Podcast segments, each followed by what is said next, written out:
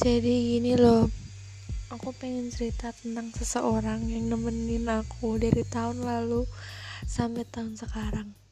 Awalnya sih cuma kita tuh save nomor gitu ya. Lah aku kan aku kan ngerasa ya aku sama dia tuh cuma nggak ada apa-apa cuma kayak saling lihat status gitu lah. Tiba-tiba dia tiap hari tuh chat aku kasih perhatian aku. Kalau aku sih baper dan kamu tahu akibat dari bapernya ini aku aku sayang sama kamu. Aku jadi kayak nggak mau kehilangan kamu padahal aku bukan siapa-siapa kamu. Jadi kayak ngerasa kayak aku tuh punya seseorang gitu loh.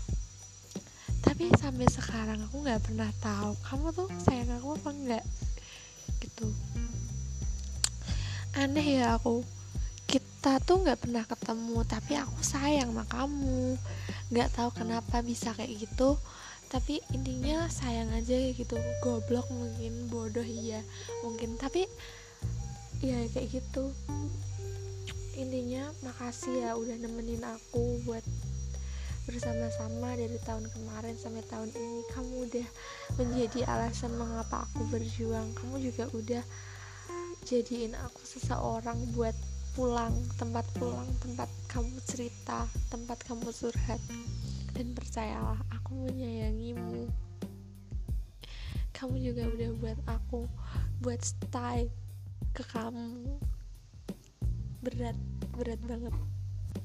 Rasanya tuh kayak kita LDR gitu kan. Padahal tuh nggak LDR cuma belum dikasih waktu aja sama Tuhan buat ketemu kalau Tuhan ngizinin buat kita ketemu ya kita ketemu.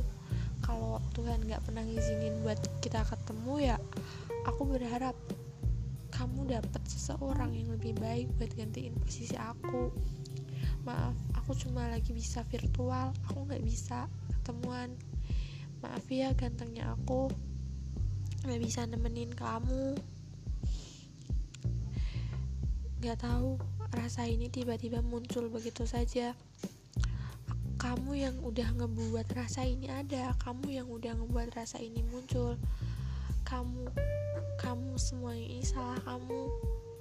Kamu harus tanggung jawab dan bukannya bukannya aku yang baperan tapi ini tuh bener-bener real kamu yang membuat aku kayak gini. Jadi kamu tuh jangan kecewain aku. Kamu jaga hati ya buat aku